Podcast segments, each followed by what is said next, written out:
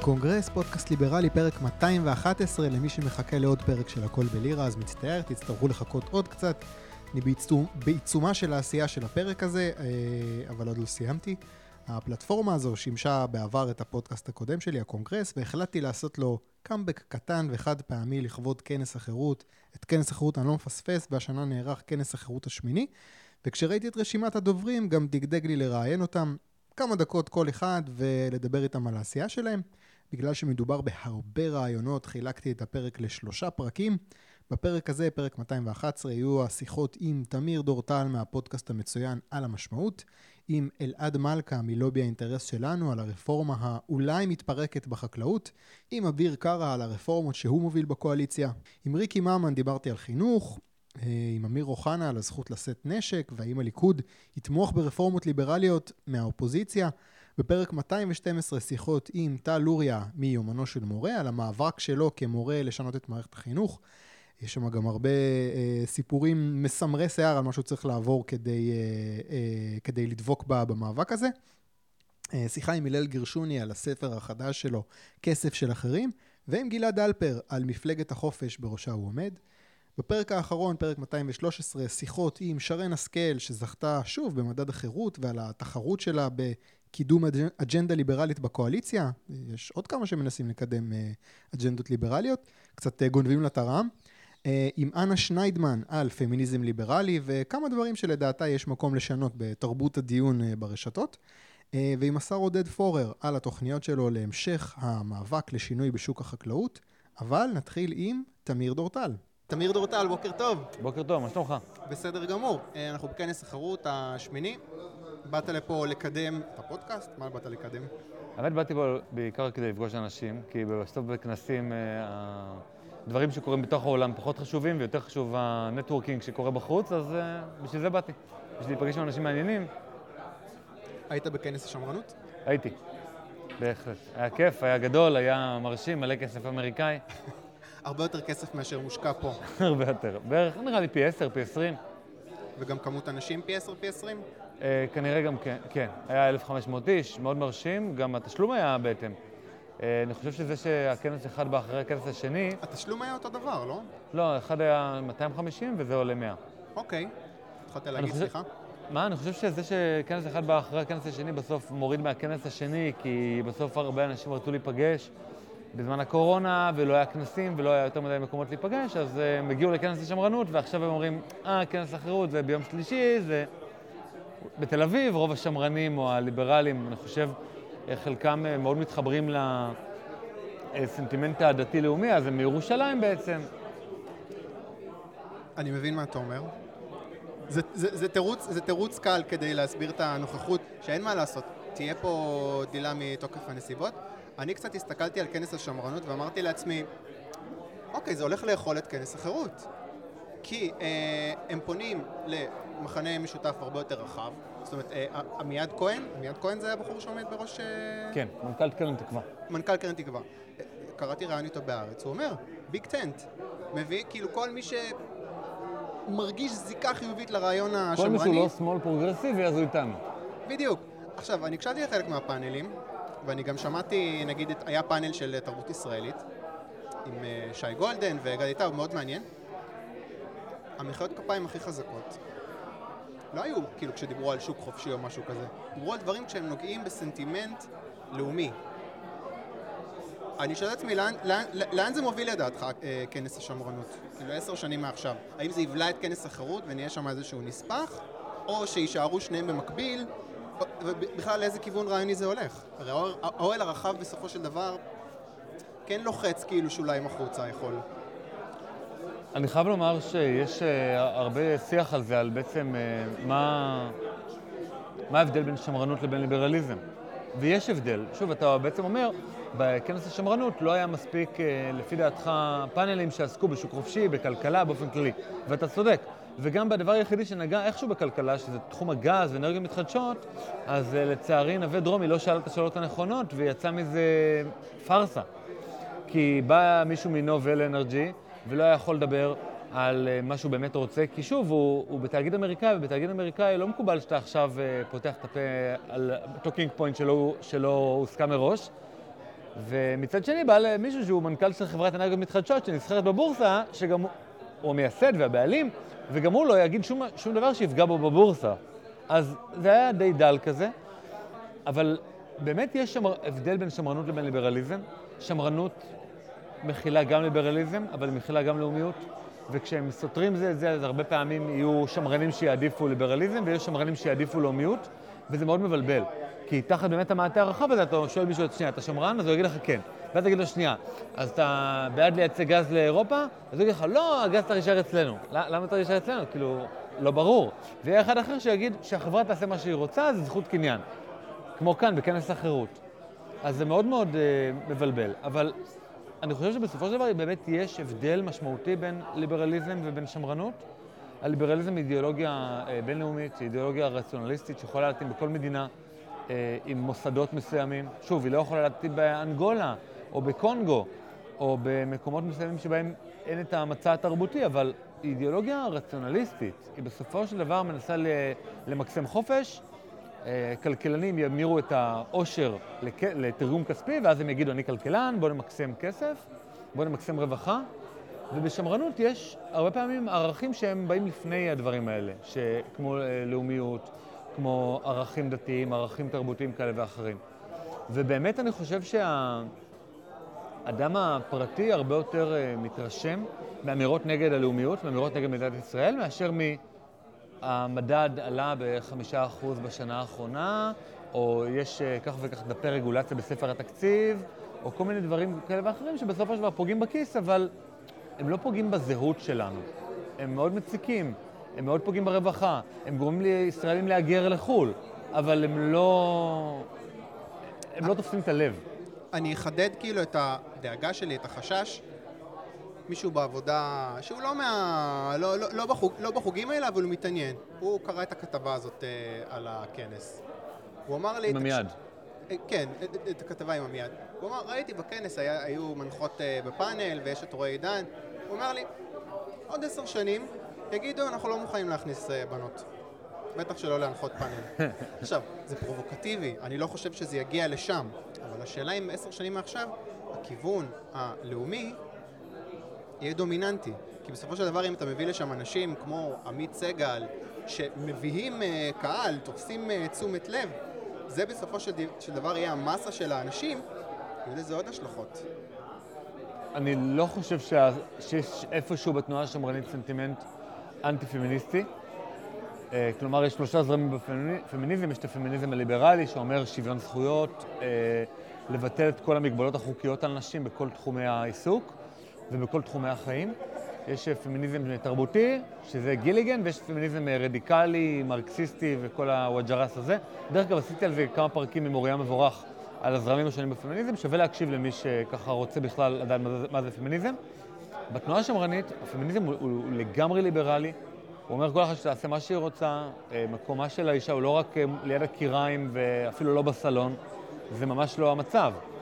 ויש הרבה אה, נשים אה, פמיניסטיות, או נשים בכלל בתנועה השמרנית, שהן אה, בסטטוס חברתי בפני עצמן, אה, כמו עירית לינור, נווה דרומי, אה, כן. יש, יש, יש רבות וטובות. זאת אומרת, כן. גם בציבור הדתי-לאומי, אה, שהוא הציבור בעצם שמתחבר לכנס השמרנות, יותר מאשר כל ציבור אחר, ראיתי שם יותר כיפות מאשר אה, אנשים גלויי ראש. אה, מקומם של נשים הוא מובטח ואני לא חושש אליו, ואני גם לא חושש ל... תראה, הבחירה של הכנס אה, במילה אה, שמרנות, לפי דעתי, היא מילה לאו דווקא הכי נכונה. אה, הם היו צריכים לנסות לחבר בין המילה לאומיות לבין המילה ליברליזם באיזושהי דרך, וזאת המילה שמצאו מהמסורת האמריקאית. אבל בישראל המילה הזאת לא קיימת. כלומר, הכי לא שמרני זה להגיד שאתה שמרני. הכי לא, כאילו, כי המילה הזאת פשוט לא קיימת בישראל, אז עדיף בכל מילה אחרת, כי היא גם תהיגה את הכנס בתור משהו שהוא קצת מיובא, מיובש.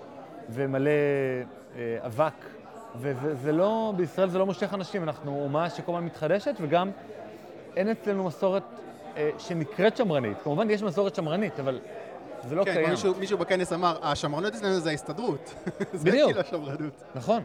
אה, אני מאוד אהבתי... זה הלובי החקלאי. הייתי בסמינר של קרן תקווה לפני כמה שנים אה, עם פיטר רובינסון. ו... סליחה, פיטר ברקוביץ'. פיטר ברקוביץ' הוא היה אה, העוזר ל, אה, למזכיר המדינה, או מזכיר לביטחון לאומי, שכחתי בדיוק מי, אבל הוא מלמד הרבה שנים ב Hoover Institution, והוא אחד הליברלים ה- הגדולים באמריקה.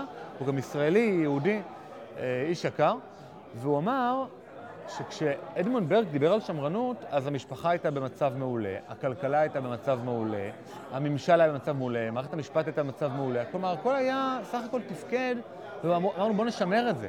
עכשיו המשפחה במצב גרוע, אמ, החברה שלנו מבחינה של חברה אזרחית במצב באמת מאוד מאוד בעייתי, אה, לא קיימות הרבה עמותות, העמותות שקיימות הוחלפו על ידי המדינה או מתוקצבות על ידי המדינה.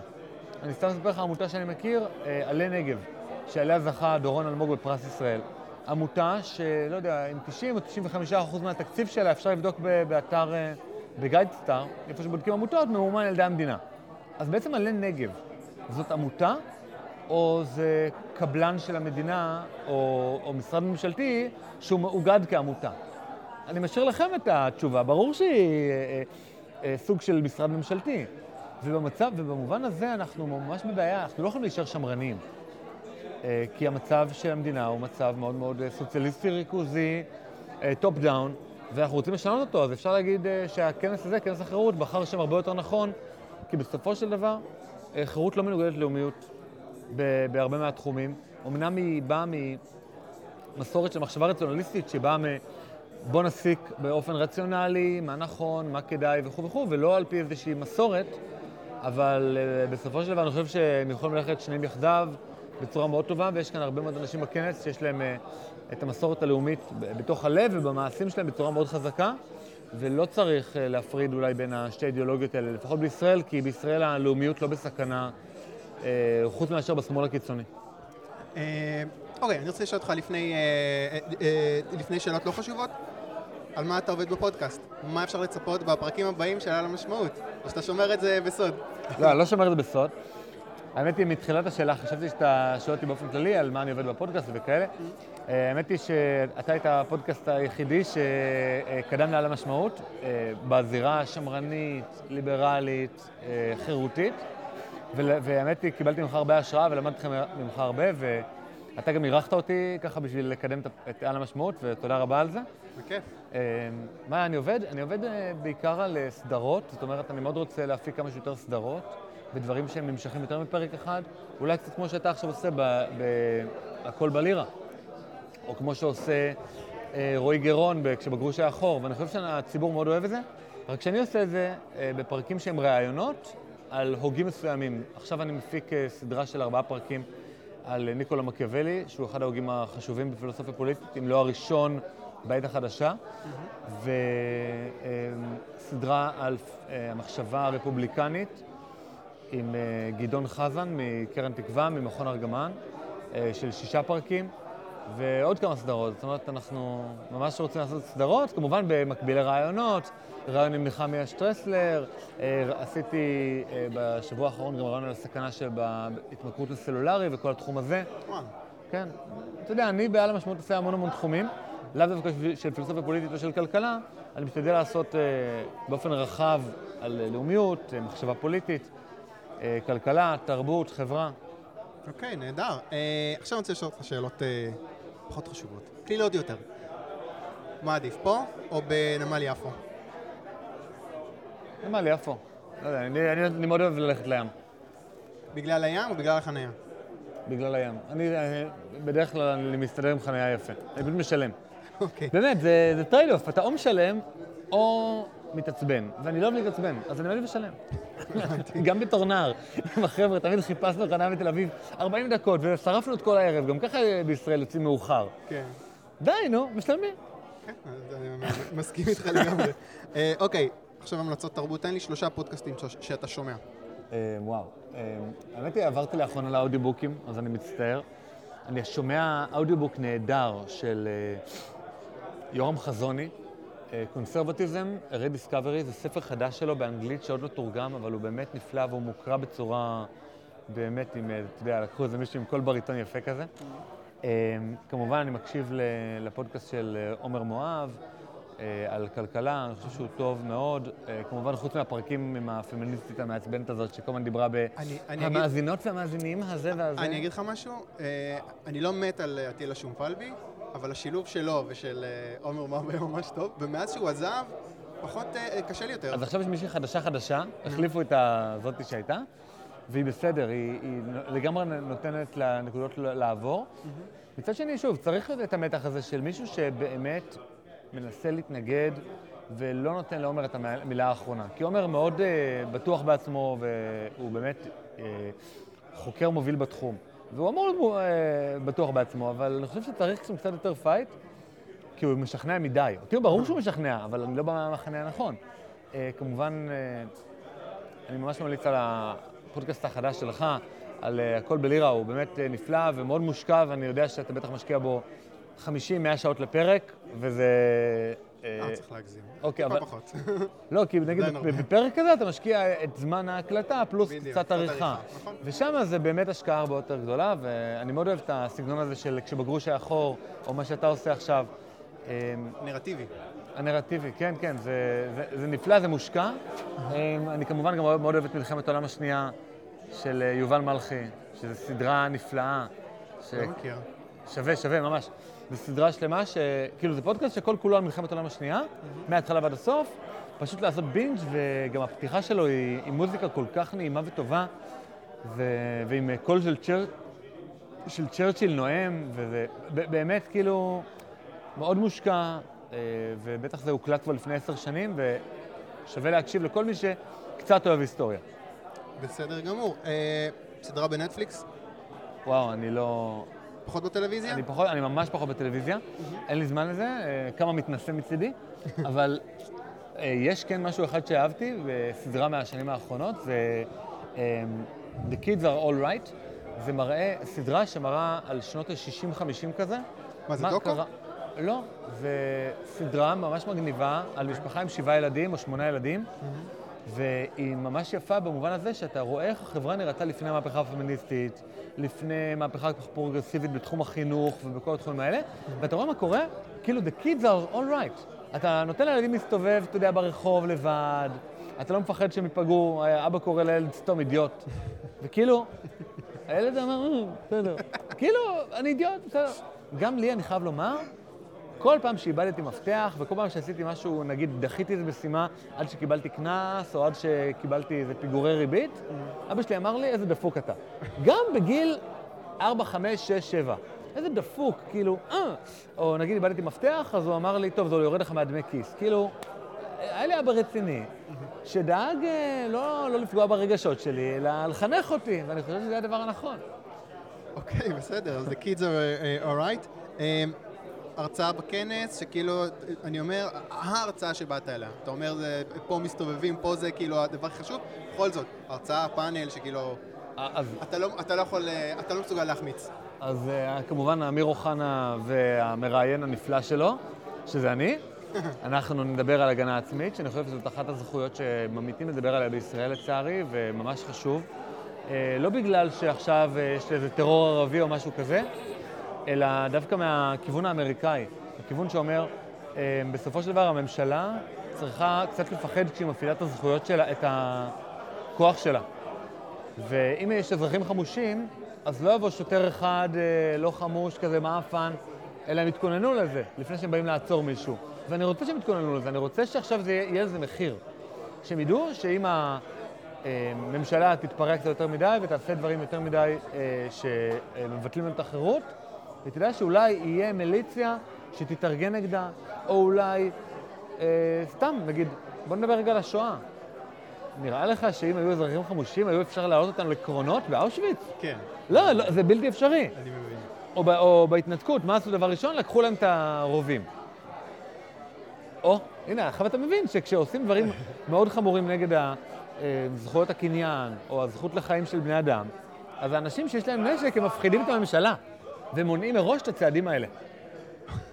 אוקיי. אני מגזים, אה, לא, אה, לא, אה. לא, אני, אני, אני, אתה יודע, זה ישר מדגדג לי ל... אה, אוקיי, אז אם לכולם יהיה נשק, כאילו, אנחנו מדברים פה על מלחמת אזרחים, פעם הבאה שיש איזה מהלך כזה של התנתקות.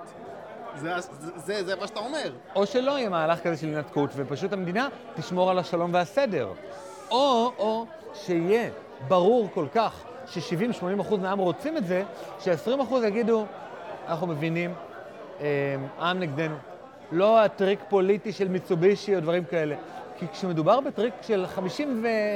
50 אחוז נקודה 0001, אז באמת יש פה עריצות רוב שהיא לא מוצדקת.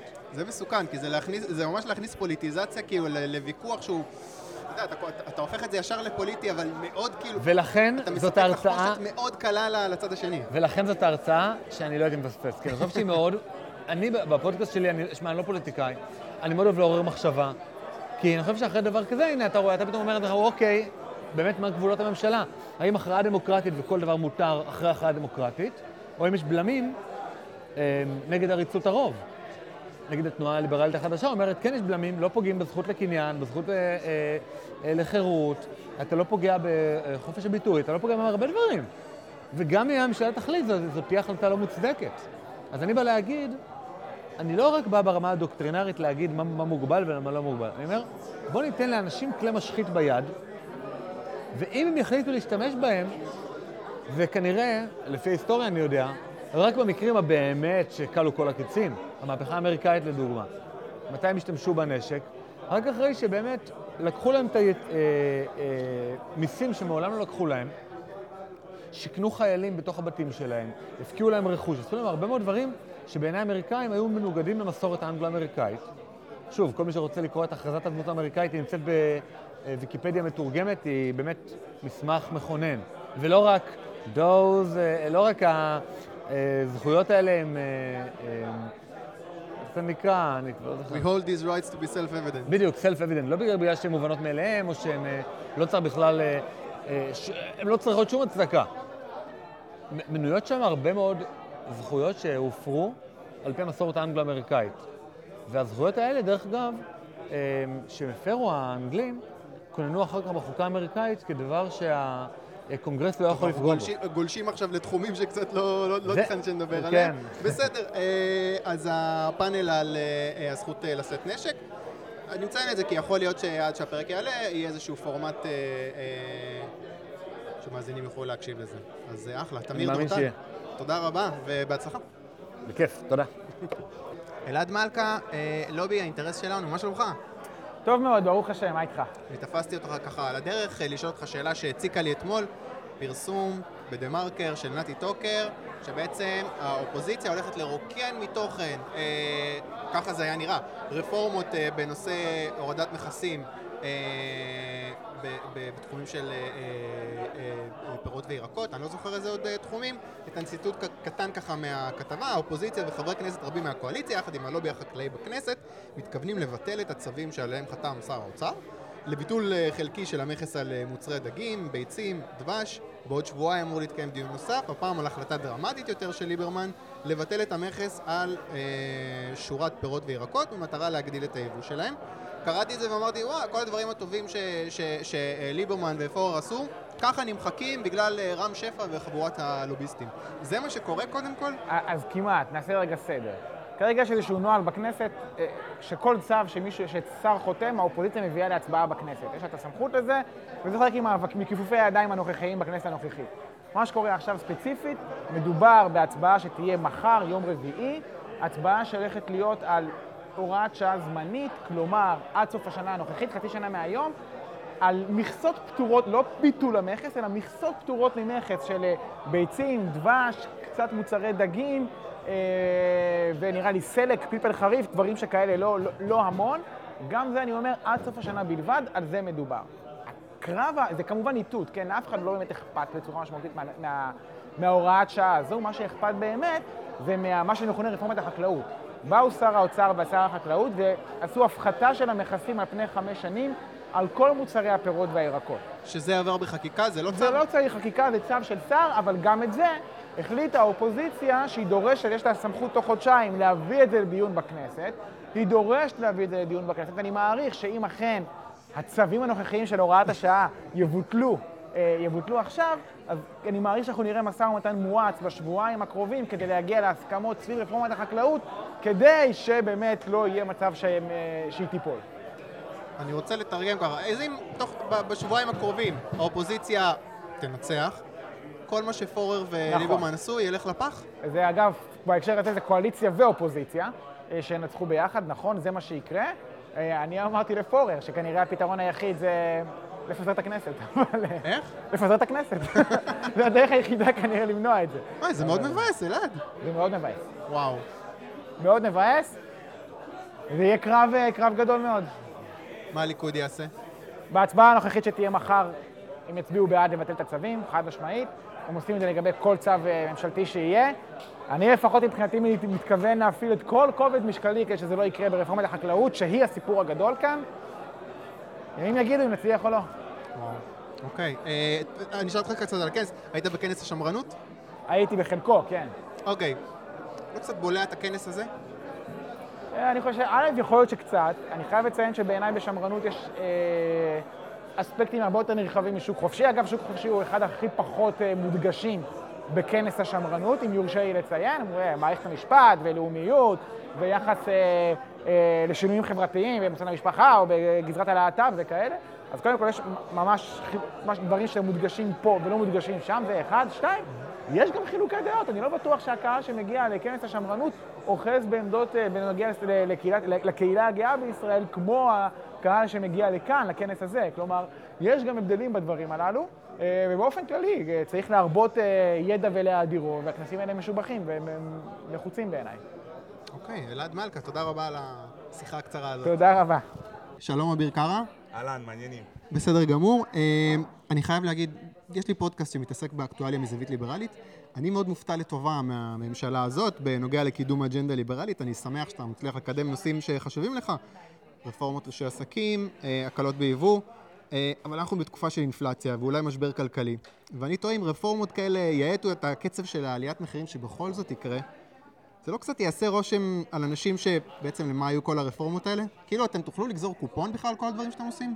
אז תראה, קודם כל זה לוקח תמיד זמן בשביל לגזור קופון. אנחנו הגענו עם אג'נדה מסוימת, בלי קשר למצב, שאנחנו מאמינים שכשאנחנו פותחים את השוק לתחרות, שאנחנו מורידים עוד רגולציה ועוד בירוקרטיה, אנחנו למעשה מקלים על היזמים ועל היצרנים, אנחנו מגבירים את התחרות, ותחרות בכל מקום בעולם פשוט מורידה מחירים. איפה שאין תחרות, איפה שיש ריכוזיות גבוהה, איפה שיש אה, מונופולים שחוסמים ומונעים משחקנים אחרים להיכנס לשוק, אנחנו רואים רמת מחירים מאוד גבוהה, ודווקא פה במקרה הזה, ככל שאתה פותח יותר תחרות, תחרות ותחרות, אתה מוריד מחירים. העזרה שהממשלה הזאת יודעת לבוא ולהסתכל במשקפת אה, קדימה, או לעלות ולראות את הדברים מעין הציפור, מגובה מאוד גבוה, ולהסתכל, מה שנקרא במקרו-כלכלה, להסתכל בצורה יותר רחבה על האפשרויות שאנחנו יכולים לתת ליזמים בעולם הזה, ב- ב- ב- בעולם העסקים ובשדה הזה, מי שמגיע בתל אביב, מי שנמצא בירושלים, רוצה לפתוח עסק קטן כדי למכור כמה מאפים, צריך לעבור פשוט סיוט רגולטורי במדינת ישראל, והיום שאנחנו הולכים ומקלים עם הרבה מאוד צעדים משמעותיים, הרפורמה הכי מקיפה שנעשתה אי פעם ברישוי עסקים,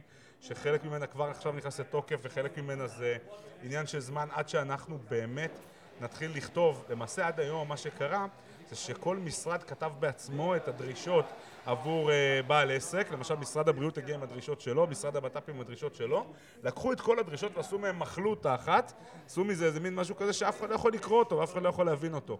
אנחנו העברנו את כל הסמכויות של כתיבה של המפרטים האלה, העברנו אותם למשרד ראש הממשלה, למה שנקרא, מה שהולך לקום רשות הרגולציה, ברשות ההסדרה במקום אחד, ומי שהולך לקבוע את כל התנאים האלה יהיה אותה רשות, יחד עם המשרדים, לא לבד, אבל אנחנו נוציא במקום 70 עמודים, 4 עמודים מאוד קלים, הדבר הזה הולך להקליט בצורה משמעותית על מסעדות, על מפעלי מזון, על יצרנים קטנים, וזה באמת יהיה משמעותי בסוף גם במחיר, אבל הכי חשוב, במגוון ובאיכות, כי כשיש תחרות גם הדברים האלה עולים. הרפורמות של אה, אה, הקלה במכסים בתחום של החקלאות, אה, פירות וירקות, בשר ודגים, זה כרגע עומד בסכנה. אני קראתי אתמול בדה מרקר שהאופוזיציה בעצם הולכת אה, אה, אה, להצביע ובעצם לבטל את הצווים ששר האוצר ושר החקלאות אה, הוציאו אה, כדי אה, להוריד אה, מכסים. אני מבין שהאופוזיציה עושה את זה. אתם יכולים לסמוך כאילו על הליכוד נגיד, שזאת סך הכל אמורה להיות מפלגה ליברלית, שישתף איתכם פעולה בעניין הזה? טוב, אז הליכוד היא לא מפלגה ליברלית, יש שם את אורלי לוי אבקסיס, ויש שם את חיים כץ, ויש שם... שיהיו בריאים, כן? אבל ליברלים הם לא, הם גם לא סוציאל דמוקרט. יש שם הרבה מאוד חבר'ה שהאופי שלהם הוא בכלל אופי שיותר דומה לקומוניסטים. אני חושב שאני יותר סוציאל דמוקרט, דמוקרט מהם, כן, אני אולי הצד הכי ליברלי בכנסת, אבל פשוט לא מבינים בזה. וכשאתה מסתכל על זה ואתה שואל את עצמך למה שנים הם לא עשו את זה, למה שנים הם שמרו על אותה ריכוזיות, על אותם קבוצות לחץ ואינטרס, מעט אנשים על חשבון כלל הציבור. אני חושב שהם לא כולם נמצאים שם, יש בליכוד כמה אנשים טובים שמבינים את העניין הזה ובאמת אה, אני מאמין שהם יצביעו לפי צו מצפונם ולא לפי זה, אבל בכנסת ישראל, לצערי, יש קונצנזוס. יש 90 חברי כנסת שהם לצערי שמאל כלכלי רדיקלי, הם בכלל לא קשור, אז אפילו לא סוציאליסטים, זה, זה הרבה יותר רחוק משם. הם לוביסטים של יוקר המחיה, הם מקדמים קבוצות לחץ ואינטרס. כשאני אומר לוביסטים של יוקר המחיה, אני מתכוון שהם יעשו הכל כדי שאנחנו לא נצליח להוריד פה מחירים. אה, ולכן אני, אתה יודע איזה, איזה מין תפיסת עולם שלהם, אבל אני כן רוצה להאמין שאנחנו נצליח להעביר את זה. אגב, המכסים לבד בחקלאות, תראה כמה קבוצות הלחץ והאינטרס היו מתוחכמות.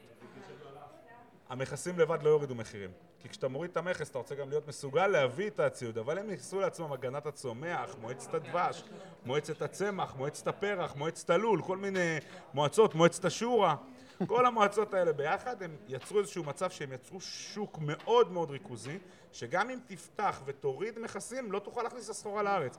אז אנחנו עובדים בכמה מישורים, כל הרפורמה בחקלאות, הרפורמה ביבוא בכלל, היא להשוות את הרגולציה לתנאים באירופה. היא אה, לקחת את המחירים ולהוריד את המכס לאפס. אנחנו בטווח של שלוש שנים, המטרה שלנו, וגם אני מקבל לדבר הזה גיבוי מלא משר האוצר, למכס אפס. ולא רק הוא, גם, הוא, הוא גם מגיע עם האג'נדה הזאת, זאת אומרת, אני לא ידעתי שהוא נמצא במקום הזה לפני שאנחנו נפגשנו, אבל למה אני רואה את זה? ואנחנו הולכים לכיוון הזה של באמת מכס אפס, אנחנו הולכים באמת לכיוונים האלה של הפחתת מכסים, הורדת רגולציה ובירוקרטיה, בהחלט בסוף בקצה, בקצה, בקצה, אני מאמין שאנחנו נוכל להעביר את זה, ואני גם שמח שזה הדיון שמתרחש היום בכנסת ושהדברים האלה קורים.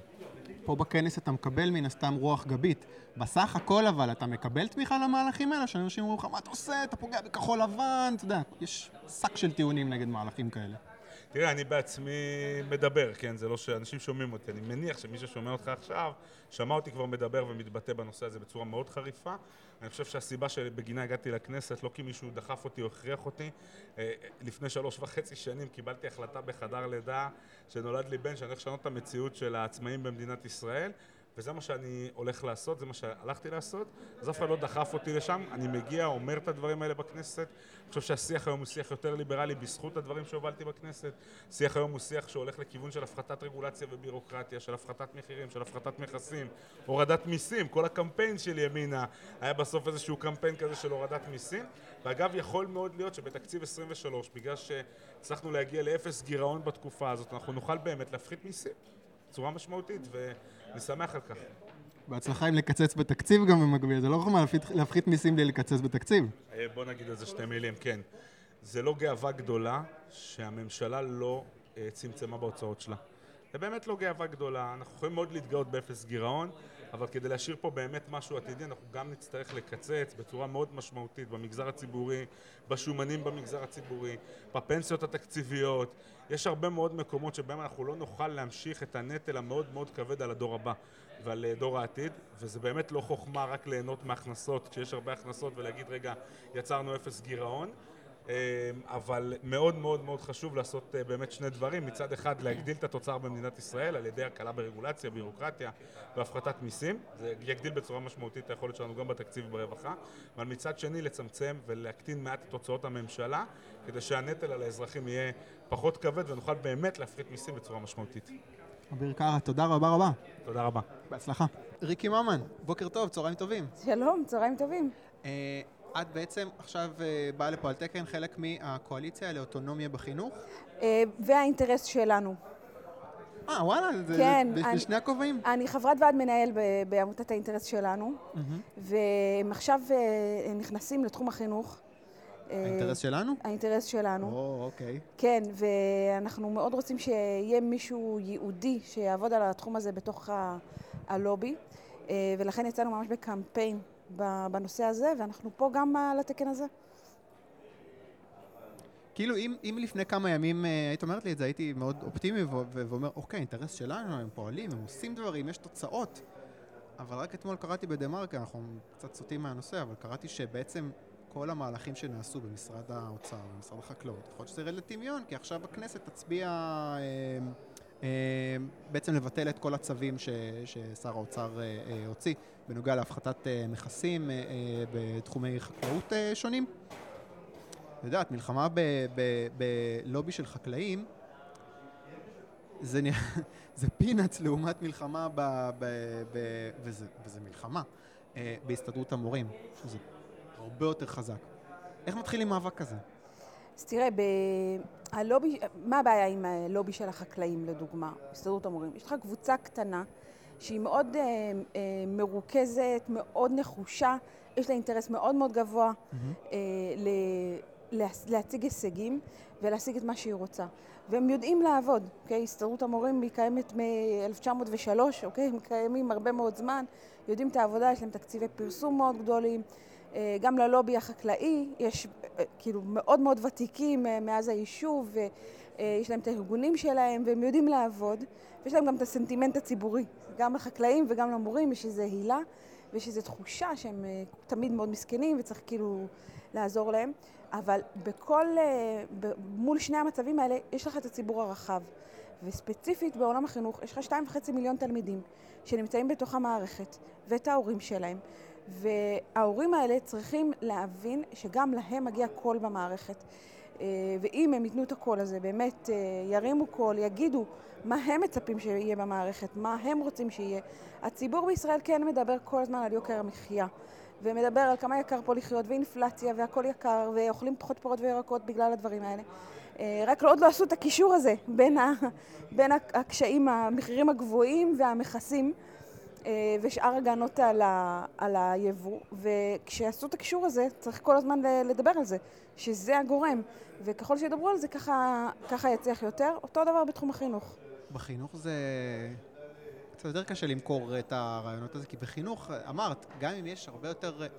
אם יש אה, עכשיו אה, עליית מחירים ב, של פירות בקיץ, די קל כאילו לאנשים לעשות קישור של יש מכס גבוה על פירות זולים אה, מחו"ל, אה, מישהו פה דופק אותנו. זה קישור שקל לעשות. אבל הילדים הולכים לבית ספר, ואתה מרגיש שהם לא מקבלים אה, חינוך טוב, קצת קשה, כאילו רוב ההורים יגידו, פשוט תשלמו יותר למורים ותביאו מורים אה, יותר טובים. זה מה שהם יגידו. אני, אני לגמרי מסכימה איתם גם. צריך באמת לשלם יותר למורים הטובים. זה באמת ככה, זה לא מה שהסתדרות המורים אומרת. הטובים. זה, זה, זה, זה, בדיוק. זה השטן בפרטים הקטנים פה. פה, פה הקאץ', ההורים יודעים טוב מאוד שיש להם את המורים שהם לא רוצים שהילד שלהם ייפול בכיתה שלהם, ושאם במקרה הילד נמצא בהקבצה במתמטיקה מהמורה הלא טוב, כולם יודעים לברוח ממנה, וכולם מנסים לברוח מהמחנכת, ויש את המחנכת שאף אחד לא רוצה ללכת אליה. זאת אומרת, ההורים יודעים טוב מאוד מי, מי, מי המורים הטובים, ושיש מורים טובים ושיש את המורים שהם לא רוצים להיות אצלם. אה, ופשוט אין, אין דרך לעשות את זה בתוך המערכת. אני לא חושבת שזה מסר ש, שלא לא מובן לכולם, שאם אתה רוצה להעלות את אה, רמת החינוך בישראל, אתה צריך לשפר את איכות ההוראה, וזה אומר לתת תגמול יותר גבוה למורים איכותיים, למורים טובים, למורים מצטיינים, למורים מתחילים, שיבואו מתחומים מההייטק כדי ללמד, שם צריך לתת את הכסף. עכשיו, אה, זה, הבעיה היא שלא מבינים שאחד בא על חשבון השני, שאם נותנים תוספת אחוזית לכל המורים במערכת, אז אי אפשר לתת תגמול דיפרנציאלי לאנשים הטובים. אתה מתגמל את כולם, וכנראה שאתה מתגמל את האלה המבוגרים יותר על חשבון הצעירים. אה, עשינו את זה כמה וכמה פעמים ב-20 השנים האחרונות, כל הסכם שכר, מדברים על הקושי עם המורים הצעירים, ואז מתגמלים בסוף יותר את הוותיקים. צריך ללחוץ טוב, חזק מאוד, שזה לא יקרה גם הפעם. בכנס השמרנות היית? כן. דיברתי גם על חינוך. אני בטוח. אני כאילו קצת, אה, היו לי מחשבות על היחס בין כנס השמרנות ל- לכנס החירות. האמת שעכשיו כשראיתי שיש כל כך הרבה אנשים בלובי שם, אז אמרתי, אוקיי, יכול להיות שזה לא המצב. יכול להיות שהכנס הזה קצת יאכל את כנס החירות בשנים הקרובות? כנס השמרנות. כן. סך הכל יש חפיפה. יש חפיפה. אה, ויש להם יותר כסף, יש להם יותר אנשים, כן. זה נראה תהליך טבעי. יש, אה, יש הרבה יותר כסף. אה, אני חושבת שהמיקוד של הנושאים הוא טיפה שונה. אה, הנושאים שעוסקים בהם. פה לא תשמע כל כך נגיד על משפטיזציה או נושאים לאומיים. בכ- בכנס השמרנות תשמע יותר. ביקורת תקשורת, כל מיני דברים כאלה. אבל בהחלט בכל מה שקשור לכלכלה וחברה יש הרבה חפיפה. אה, אני חושבת שיש מקום ל, ל, אמרו לש, לי דווקא לשני שעל כלכלה הכנסים. פחות אה, דיברו שם. פחות, אה, אבל מדברים. כאילו, זה לא... זה, זה, זה חלק מהאג'נדה של קרן תקווה. אבל כן, היו נושאים אחרים שיותר על סדר היום. אני חושבת שהם גם מביאים יותר קהל בגלל הנושאים האלה, שהם כאילו יותר הארדקור ימין. אבל יש את הגרעין הליברלי-כלכלי שצריך לשמור אותו, וצריך אה, לתת לו מקום, וצריך לחזק אותו, אה, והוא צריך לגדול ולהשפיע ב- על, על כל המפה הפוליטית. אה, קודם היה פה דוכן של אה, הליברלים במרץ, וזה היה אה, מאוד נחמד. אה, כי זה הם באמת... לא הגיעו אה, לכנס השמרנות. הם לא הגיעו לכנס השמרנות. אה, זה היה מאוד נחמד, כי הם ישבו ליד פורום קהלת. אה, אז, צילמתי את זה, זו תמונה ממש אה, לאינסטגרם. אבל יש, יש מקום לש, לשני העולמות האלה. הייתי אומרת אפילו שאם נסתכל על הפוליטיקה האמריקאית, יש את המפלגה הרפובליקנית שהיא מין ביג טנט, אוהל כן. גדול כזה, שיש בתוכו גם את הליברלים סלש ליברטריאנים האמריקאים, יש בתוכו גם את הניצים הביטחוניים, יש בתוכו גם את השמרנים. לא יודע אה, למה- לא יודע כמה ליברטריאנים- ליברטריאנים יסכימו עם ה- עם ההכללה שלהם בביג טנט הזה, אבל אוקיי. הם אה, בגדול, בסוף יש, כאילו, יש, יש. אה, היה גם כמה מועמדים אה, שניסו ל- ל- לרוץ לראשות המפלגה, אה, בתוך המפלגה הרפובליקנית, זה, זה קיים. אה, וגם גם בארץ הייתי רוצה לראות יותר מהדבר הזה, כאילו יותר איזו תפיסה ימנית רחבה שמבינה שיש גם קשר בין הדברים האלה, זאת אומרת, יש קשר בין ליברליזם אה, אה, פוליטי, כלכלי, אה, חברתי. אה, כל, כל הדברים האלה הם, אה, הם הולכים בקו אחד והם הולכים גם אפילו עם שמרנות ול, ולאומיות. אה, אבל זה, זה הרבה פילוסופיה פוליטית אה, מאחורי זה אבל, זה, אבל זה בהחלט הולך ביחד, והייתי רוצה לראות יותר מזה בארץ. אני חושבת שהם הצליחו, שני הכוחות האלה במרכאות, הצליחו לחיות במקביל, אה, בנפרד ובשלום. אני חושבת שכן, אני, אני כאילו בתוך הסצנה הליברלית אה, כבר עוד לפני המחאה החברתית, אוקיי? יש הרבה שנכנסו במחאה החברתית, אני, אני עוד לפני זה, ואפשר לראות את השינוי, כאילו פעם היינו איזו קבוצה הזויה של אנשים שמדברים על שוק חופשי ומילטון פרידמן, ואף אחד לא הכיר את זה, וכאילו זה היה, היה רק את ביבי, אוקיי? והיום יש כאילו... יש חברי כנסת שמדברים, יש אנשים בממשלה, וכולם מדברים על תחרות, ועל פתיחה לתחרות, והסרת מכסים, והסרת... עכשיו, אנחנו לא מצליחים בהכל, אוקיי? לא... בחקלאות זה קשה, יש קבוצות אינטרסים שזה קשה, אבל אפילו עם ממשלה שהיא לא בדיוק ימין, אנחנו מצליחים לקדם דברים שהם ימין. יותר וזה- אפילו מממשלה שהיא כאילו ימין. לא, גם בממשלות ימין אה, קידמו דברים יפה, אבל את- אתה רואה יותר נציגים שמדברים את המסרים האלה. ואני חושבת שזה באמת תוצאה של אה, הפעילות הזאת של התנועה הליברלית ושל כל הכוחות האלה, ו- ואפשר להמשיך את זה, תקראו לזה קרן תקווה, תקראו לזה קרן סחרות, כנס שמרנות, אבל אה, בסוף אנחנו מנסים לקדם אה, פחות או יותר את אותם הדברים, וזה מצליח לנו, אז בואו נמשיך. אני אוהב את האופטימיות. אני- כן. אני בעד אופטימיות. נכון. אני רוצה לשאול שאלות עוסקת על... בחינוך, אני חייבת להיות אופטימית, אין לי... אחרת זה קרב אבוד, אתה זה יודע. הקרב זה- הכי קשה. זה, זה קרב קשה, כאילו. נראה זה... לי הצבא מקצועי לפני שיהיה בחירה בחינוך. אנחנו כבר הולכים לכיוון של צבא מקצועי גם ככה, אבל... אה, כן, אבל גודל המשימה, כן, אה. ברור. אני רוצה לשאול אותך שאלות, אה, דווקא דברים פחות חשובים. כן. את מעדיפה פה או ביפו? את הכנס. הכנס הקודם היה ביפו. ליד לגעת. שם. כן. מה עדיף פה או שם? אני מרגישה ששם היה יותר נחמד, אתה יודע? אבל לא... לא, לא שרע פה, אבל אה, שם היה כזה... היה יותר אה, מרחבים בחוץ כזה, והיה יותר... לא יודעת. אבל אה, אולי סתם זו הרגשה אישית. לא, לא. עד עכשיו לא שמעתי מישהו ש... ש- ש- שאמר את זה? לא, שמעדיף פה. אה, כן? אבל חלק גם אמרו בגלל שהם שונאים שינוי. כאילו מישהו אמר, אני לא... שמרנים, אתה אומר. כן, שמרנים, הגעתי לשם, אני רוצה- אני רוצה פה. אמ, אני רוצה שתגידי לי שלושה פודקאסטים שאת שומעת, אם יש פודקאסטים שאת שומעת. תני לי המלצה. תני לנו המלצה. אה, אז כן, אני, אני אה, לא שומעת אה, באופן רציף, אבל אני מאזינה מדי פעם לפרקים שמעניינים אותי בכל מיני מקומות. קודם כל, כש, כשבגרוש היה חור, היה, זה פודקאסט נהדר, כן. שאני מאוד אוהבת. אני, אני מקשיבה גם לשומר סף של גדי טאוב, שהוא הוא עושה שיחות ארוכות כאלה ועמוקות, זה, זה, זה, כשאני מבשלת לשבת, זה, אני, אני מקשיבה. אהה. והוא מביא אורחים מעניינים מדי פעם, זה, זה נחמד. אה, גדי טאוב, אגב, אני מנצל את זה שציינת את השם שלו. זה כאילו, מבחינתי, הוא- יקיר כנס השמרנות, ממש. נכון. והוא נמצא כאילו על איזשהו גבול, אה, ככה אני מרגיש, אני גם שומע מדי פעם את השיחות אצלו, אני מרגיש שזה גולש קצת ל... ל... איך אני אסביר את זה? אג'נדה שהיא קצת קונספירטיבית מדי, כאילו קצת יותר מדי דיבורים על deep state ואיזה שהם קונספירציות, מרגיש לי שזה קצת מיובא מארצות הברית. לא יודע, שקשה לי קצת אה, להתח... את מבינה מה אני אומר? אני ממש מבינה מה אתה אומר. כי הוא לוקח את המחנה השמרני למקום לא טוב, אני לא רואה איך מתקדמים משם. מקום יותר טראמפ. יכול להיות. זה בהחלט רוכב על אותו כאילו ספקטרום כזה עם טראמפ ו... אה, כאילו כל המיליה הזה, אבל אה, תשמע, אני, אני גם את גדי אני מכירה הרבה שנים, עוד מהימים שהיה סוציאליסט עמוק עמוק בשמאל המדיני גם, וזה, וזה זה באמת שינוי מדהים, היה מדהים לראות את זה. אני חושבת שגדי, למרות הניחוח הקונספירטיבי שעולה גם קיצוצים בטוויטר זה תמיד, זה, זה פורמט מאוד, אה, שמאוד קשה להעמיק בו. אני כן חושבת שיש הרבה עומק בדברים שהוא אומר. אני חושבת שהוא אה, רואה דברים בצורה רחבה. אה, והרבה פעמים, לצערנו, קונספירציות מתגלות כדברים אה, שיש להם ביסוס במציאות. לפעמים הוא הולך כאילו לקיצון, אבל... כן, יש ביסוס במציאות, אז להקדיש כאילו פרק ל... ל... הבחירות בארצות הברית נגנבו. ביידן ניצח ברמאות את טראמפ.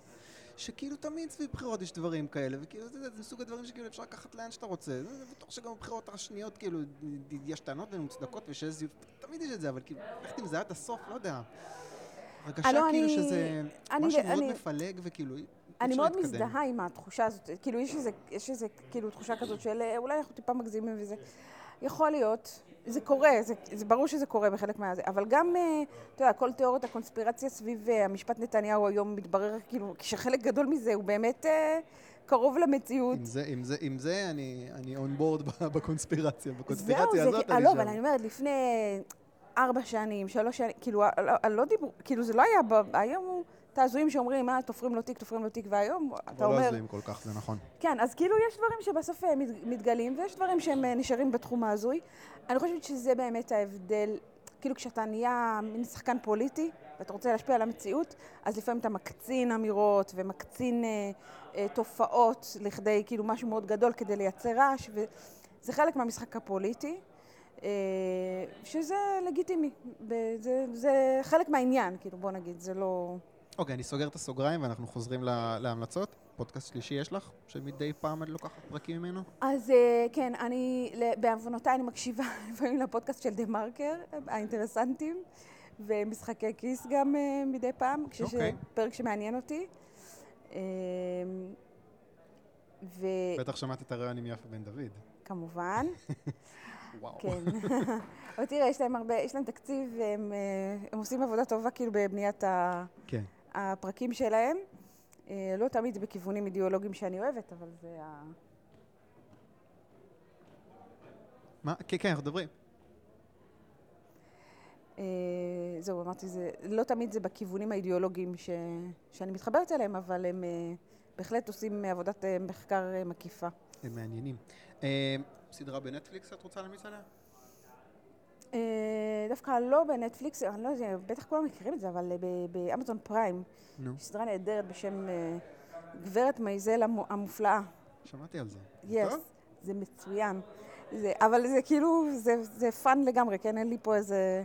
מצוין. אבל זה כיף, וזו סדרה מצוינת שכתובה נהדר, עכשיו בעונה הרביעית. אוקיי, גברת מייזל המופלאה. מה ההרצאה שהכי מעניינת אותך בכנס? שזו ההרצאה שבאתי בשבילה. חוץ מהפאנל שאת חלק ממנו. ברור. הפאנל חינוך הוא כמובן הכי חשוב, הכי מעניין והכי uh, מוצלח מכל הזה, אבל uh, אני מאוד אוהבת את יהודה הראל. איש יקר. כן. ואני, כל הזדמנות שיש לי לשמוע אותו, uh, אני הולכת. אני חושבת שהוא איש מבריק ועם תובנות מדהימות, ובגילו הוא עוד פעיל מאוד ועושה ו... מדבר וכותב, וזה מדהים בעיניי, ובאמת הוא, הוא רצה ששווה לנסוע לתל אביב בשבילה מירושלים, ולמקומות אחרים גם. אוקיי, ריקי ממן, תודה רבה. תודה לך. שלום יניב. שלום, אמיר אוחנה, מה שלומך? בסדר, טוב לראות אותך שוב. אחרי אותך. שנים, אנחנו תמיד מתראים באירועים של הליברלים, נכון? נכון, הפעם נכון, הראשונה לדעתי הייתה בהפגנה באבן גבירול. זוכר את זה? ודאי. עם הדגל הצהוב. כן, נכון? בטח שאני זוכר. וואו. אה, כיף לראות אותך. אמ, אתה עכשיו היית חלק מפאנל של אה, הזכות אה, לשאת נשק? לא פאנל, זה היה אתה ותמיר? כן. בגלל שאין לנו הרבה זמן, דווקא רוצה לקפוץ על נושא שאני טיפה פחות אולי אסכים איתך. דיברתי קודם עם אביר קארה. אמ, בכל הנוגע לקידום אג'נדה ליברלית רחבה יותר, מעבר לתחום של נשיאת נשק. ממשלה שיש בה גורמים כמו מרצ, העבודה, רע"מ, אפילו כחול לבן. ההרגשה שלי עושה לליכוד בית ספר, רפורמות בחקלאות, קידום רשות הרגולציה, הקלה על רישוי עסקים, ואני יודע שאתם התחלתם את המהלך הזה, אבל הם אה, ממשיכים אותו. אפילו פתיחת רציפי מטען כללי בנמלים פרטיים. אני לא רואה את הליכוד ממשיך את הגל הזה, זאת אומרת, להפך. אז מה יש ליברלים אה, לחפש בליכוד? קודם- אולי בכלל אנחנו צריכים ללכת לליברמן. קודם כל, מכל הדיבורים, דיבורים, דיבורים, עוד לא ראיתי לא ירידה ביוקר המחיה ולא ירידה במחירי הדיור ולא פתיחה אמיתית של השוק לתחרות, זה דיבור, ולא לגליזציה ולא הקלות בנשיאת כלי ירייה, בנשק. זאת אומרת, דיבורים יש הרבה, מעשים פחות. אז אני מציע להסתכל על מעשים, ואם אתה רוצה להסתכל על מעשים, אני יכול לתת לך שורה של דברים שעשיתי גם כשר משפטים וגם כשר בט"פ. למשל, כשר משפטים בפעם הראשונה, כשר בט"פ, סליחה, הכנסנו לתוך המדד הממשלתי את הורדת הרגולציה של הגופים, בעשרה אחוז של הגופים אה, שפועלים במישור הזה, משטרה וכיבוי אש, לעסקים חדשים שנפתחים. אה, כשר משפטים ביטלתי את הצורך בעורך דין כדי להקים חברה, עשיתי one stop shop, אה, הקמת חברה בקליק. אגב, תוך עימותים לא פשוטים עם לשכת עורכי הדין. החובה הזו בהגשת תצהיר, למשל, בנושא של צווי ירושה, גם את זה ביטלתי.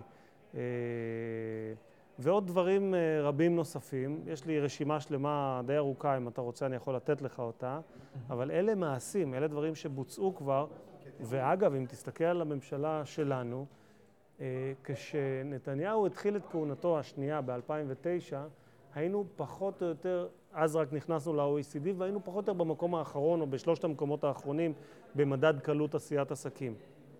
בחלוף השנים הגענו לאמצע, למקום ה-18, כלומר מגמת שיפור, ולדעתי בזכות המהלכים האלה שעשינו, או חלק מהמהלכים האלה שעשינו, אנחנו עוד צפויים להתקדם הלאה למעלה ברשימה הזאת של מדד קלות עשיית עסקים, ואין לך דבר ליברלי מזה. דיברתי קודם עם אלעד מלכה. כן? דיברתי איתו על אה, משהו טוב? ש... כן. קראת, משהו שקראתי אתמול בדה מרקר, שמחר עולה אה, הצבעה באופוזיציה, לבטל, דיברת על מעשים, צווים של אה, שר האוצר להפחתת אה, מכסים במגוון אה, סחורות. מחר זה יהיה, אני חושב, פירות וירקות, ובעוד שבועיים זה יהיה על, אה, על דבש ודגים ובשר. הוא אמר לי, תקשיב, לצערי, נראה לי שהליכוד הולכים לשתף עם זה חד פעולה. משמעית, אנחנו נצביע נגד, אבל זה לא הצבעה לגופו של עניין, כמו שהצבענו נגד תקנות יו"ש. לא כי אנחנו נגד יו"ש, אלא כי אנחנו חושבים שהממשלה הזו, כל יום שהיא קיימת זה נזק למדינת ישראל, ולכן אנחנו עושים הכל כדי להפיל אותה, ונצביע נגד כל חוק שהיא תעלה, אה, כולל מה שאתה הזכרת, וכולל דברים רבים נוספים, שלא בהכרח אנחנו לא מסכימים איתם. אלא אנחנו חושבים שצריך לקצר את ימיהם. זה לא עובד ככה שאתה מקים קואליציה עם אה, רע"מ ומרץ והעבודה, ואז בכל פעם שאתה לא מצליח להעביר משהו, אז תבוא לליכוד, הליכוד יעזור לך להמשיך לתחזק את הקואליציה שלך. זה לא עובד ככה, זה לא עבד ככה, וזה לא יעבוד ככה.